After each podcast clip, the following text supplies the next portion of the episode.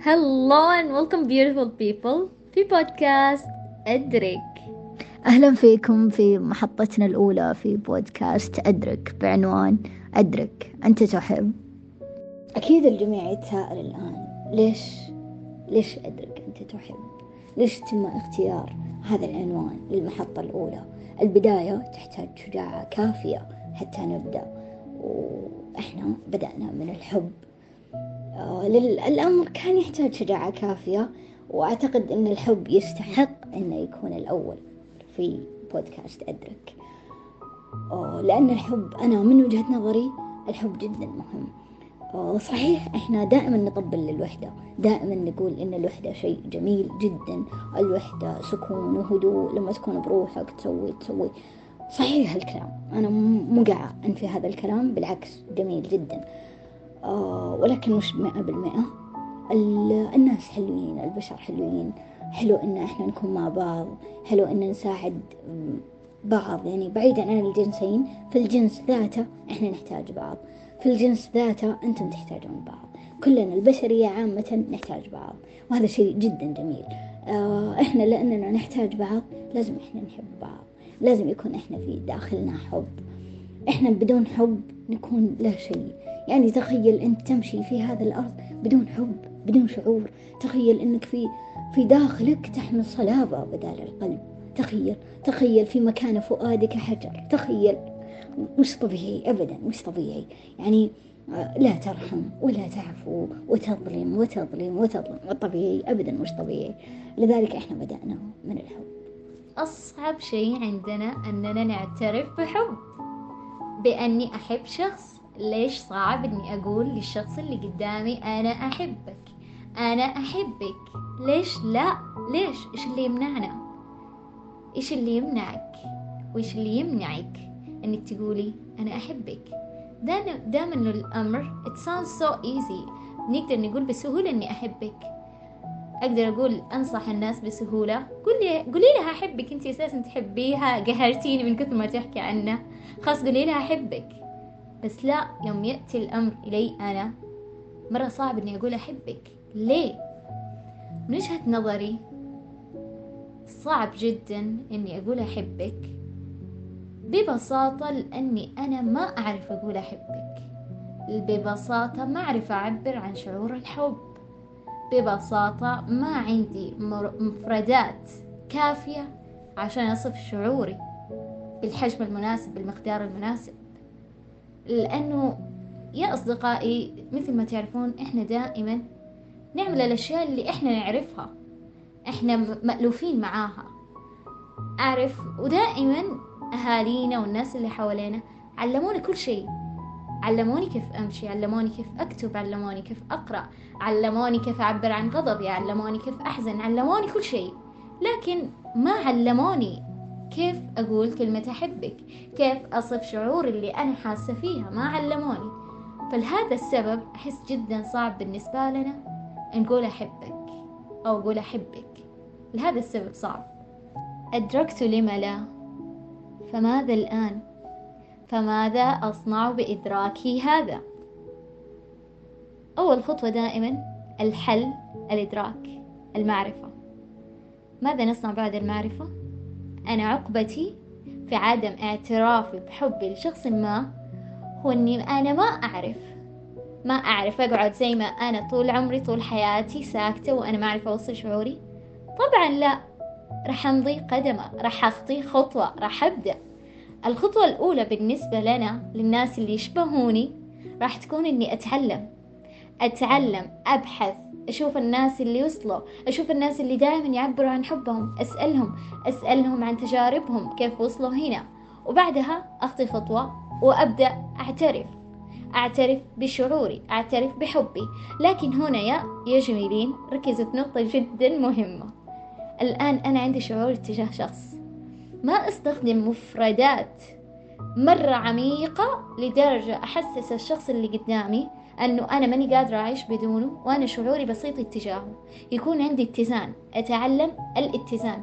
أتعلم أني أوصل شعوري بالطريقة المناسبة بالمفردات المناسبة بالعمق اللي أنا أباها بالعمق بعمق الشعور اللي عندي أوصل شعوري. هذه هي حلي. هذه هي طريقتي المناسبة للناس اللي يشبهوني. أتمنى everyone can relate to me. And that's all. Thank you. I'm gonna pass my mic to my beautiful sister. بالضبط. النقطة اللي قالتها جدا جميلة. آه رغم إن أنا كنت حابة أبدأ بنقطتي ولكن ما قدرت أقاوم التعليق على هذه النقطة. آه سالفة إن أهلنا يعلمونا جميلة جدا. وهو بالفعل إحنا أهلنا يربونا وإحنا صغار مش وإحنا كبار يربونا حتى نكبر. ولكن بعد ما نكبر شنو؟ العالم يتغير الدنيا تتطور كل شيء قاعد يتغير. هل إحنا نقعد على العلم القديم نبقى على العلم القديم. لا طبعا. آه نبي علم مستمر. لازم إحنا نربي نفسنا لما نكون شباب. لأن إحنا ناخذ مسؤوليات ذواتنا. إحنا نتحمل كل شيء إحنا نقوله. إحنا نطور ذاتنا ونتعلم بأنفسنا. جميلة هذه النقطة. ولكن أنا بالنسبة لي آه، أعتقد أن في أشخاص كثير مثلي أنا وبعض من البشر إحنا نرفض الرفض جدا نرفض الرفض آه، ونتعقد من الرفض. ولكن أنا أدركت الأمر الحمد لله أدركته قبلكم لذلك أنا بشاركه معكم هذه المرة. أدركت أني أنا ما أتقبل الرفض. أبني سنواتي القادمة مثلا خمس سنوات القادمة أبنيها على رفض حصل أمس. يعني عليك أن تتخيل أن مثلا أن رفضت أنا قبل 12 سنة في علاقة إلى الآن تخيل إني ما أقبل بعلاقة. تخيل تخيل أكون الآن آه، أنا أحب فلان وفلان يحبني أنا وهو نحب بعض ولكن أنا مش قادرة أقول لهالفلان أنا أحبك؟ لأني أنا أخاف يقول لي لا. لأني أنا ما أحب ينقال لي لا. لأن أنا ما يليق فيني ينقال لي لا. فتعقدت من الرفض الأول اللي كان قبل 12 سنة وللآن العقدة لا زالت. ولكني أزيلها بإذن الله في هذه الحلقة. لذلك الكلام اللي أنا حابة أوجهه لي ولكم لنا جميعا حتى ندرك سويا اللي هو إنه ليش؟ يعني ليش إحنا عقدنا الرفض بهذا الشكل؟ آه قرأت مقولة تقول آه جميعنا ضحية التكرار. إحنا كررنا على عقولنا آه رفض الرفض. يعني أنا كررت على عقلي أنا شخصيتي كياني ما يحب الرفض. أنا كررت على ذاتي. ليش؟ عادي. عادي إذا رفضت أتعلم. عادي إذا أنا رفضت. إيش فيها لو رفضني فلان؟ ممكن أنا ما أناسب فلان. ممكن فلان ما يناسبني. في النظام الكوني إحنا ما نناسب بعض. ممكن لو كنا مع بعض كان الأمر بيكون سيء أكثر من الآن. آه، دائما أول شيء أنت لازم تسويه هو حسن الظن بالله. آه، لما تنرفض الحمد لله أنرفضت لا بأس. هنا خيرك. المكان اللي أنت بيه مش خير لك. هنا الخير لما أن رفضت هذا الخير لك. أيضا تستحق منا أننا نتكلم فيها واللي هي الأشخاص اللي يتعرضوا للخيانة والاستهزاء. والعقدة هذه تمنعهم من الاعتراف بشعورهم تمنعهم من الدخول بعالم الحب مرة ثانية تمنعهم من امتلاك الشجاعة مرة ثانية. كونهم استهلكوا ذاتهم في العلاقة الأولى اللي تعرضوا فيها للخيانة. لذلك أنا بحب أوجه لهم نصيحة بإذن الله بحاول إنها تكون مختصرة واللي هي إن الشخص اللي خانك مثلا قبل سنتين مش نفس الشخص اللي أنت بتدخل معه بعلاقة الحين. يعني تخيل إنك تضيع عليك هالشخص الجميل اللي معك الآن بس لأنك خايف يخونك. تعتقد أن جميعنا دنيئين؟ مثل ذلك الشخص يعني تعتقد الشخص اللي معك الآن دني مثل ذلك الشخص؟ أكيد لا. مش كلنا آه، نملك الصفات السيئة فقط لا. السيء هو اللي خانك فقط. السيء هو اللي كان معك قبل سنتين وخانك. اللي معك الآن مش سيء. لا تعتقد أن كل الناس مثل بعض لا. البيض السمر المسلم الكافر المسيحي الشيعي كل ذولا المليارات من الأشخاص كلهم بيكونون خونة. ليش أنت خايف؟ كلهم بيكونون خونة. كلهم بيخونونك.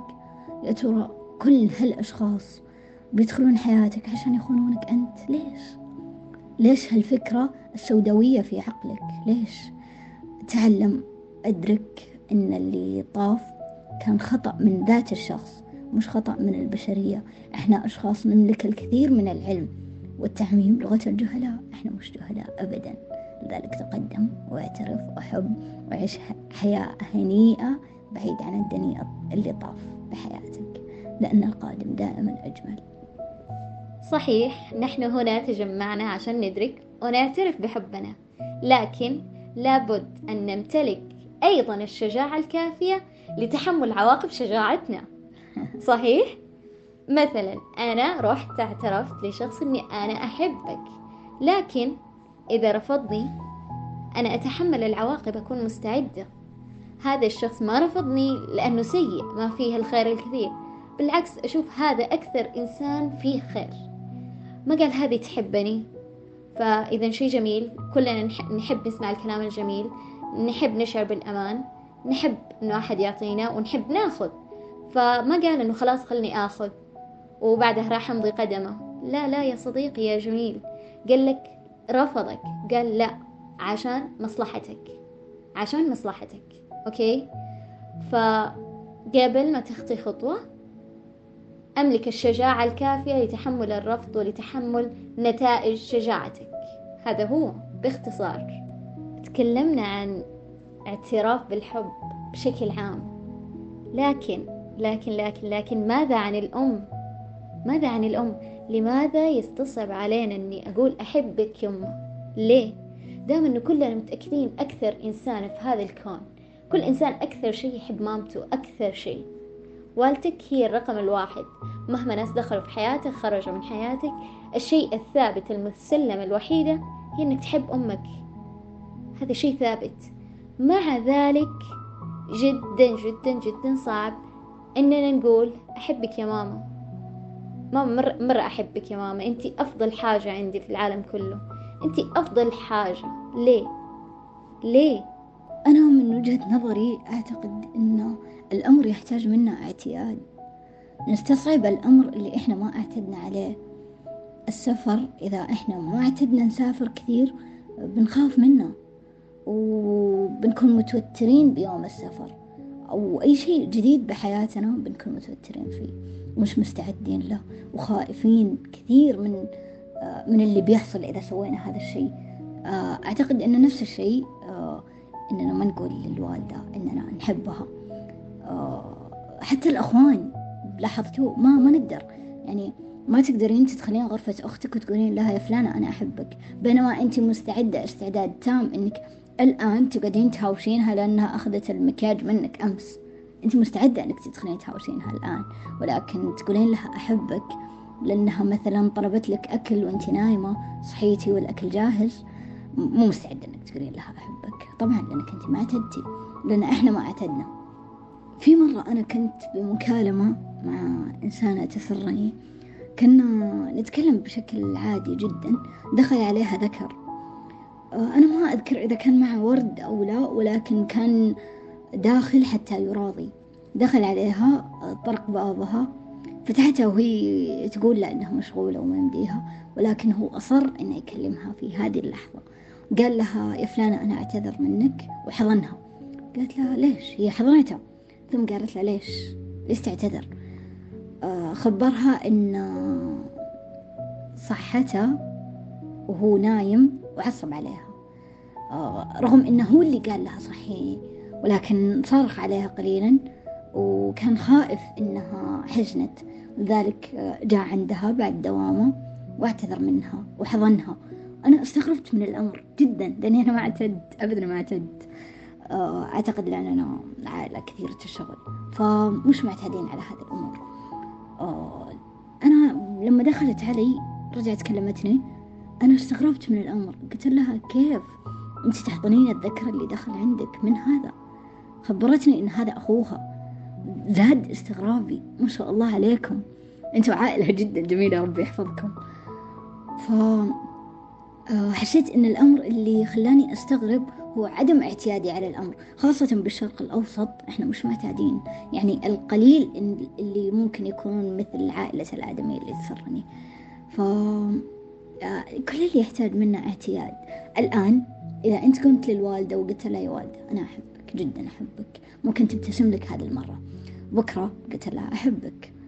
ضحكت لك هذه المرة بصوتها الجميل. وبعده قلت لها أحبك. قالت وأنا بعد. حلو جميل. ثم أنت قلت لها أحبك. وقالت لك أنا أحبك بعد. ولكن بعد ذلك أنت انشغلت. صارت هي تقول لك أحبك. صارت الكلمة طبيعية بينكم صارت الكلمة ودودة بينكم. فالأمر كله بحاجة لاعتياد لذلك. الآن أنت قوم وقول لها أحبك وأعتقد الآدمية اللي معي الآن كم سنة إحنا مع بعض؟ عشرين سنة؟ كم؟ خمسة وعشرين سنة؟ كم سنة؟ كثير. أنا ما أذكر أنا متى دخلت عليه وقلت لها أحبك. لذلك أنا أحبك جدا. أنا جدا أحبك. فأنتم أيضا لازم تروحون لأخوانكم أصحابكم أمهاتكم وتقولون لهم إحنا نحبكم. وبالختام أدركت ما الذي يعيقني؟ عن اعترافي بحبي لشخص ما. أدركت. لكن ما رح نوقف على نقطة الإدراك فقط. التغيير يأتي بعد الإدراك. ماذا أصنع بعد الإدراك؟ فمن اليوم بإذن الله عرفت واستوعبت وأدركت إيش اللي يعيقني؟ راح أشتغل عليه. راح أتعلم وراح أمضي قدمه. وأتمنى أنكم أيضا أنتوا أدركتوا إيش اللي يعيقكم. أنكم تعترفوا للشخص اللي قدامكم لكن لا توقف فقط على الإدراك. الحقيقة والتغيير يبدأ بعد إدراكك للأمر. التغيير نصنع التغيير بعد الإدراك. هل أدركت أنت تحب؟ انتظرونا بالمحطة القادمة بعنوان أدرك تأثير نقيض الحب عليك.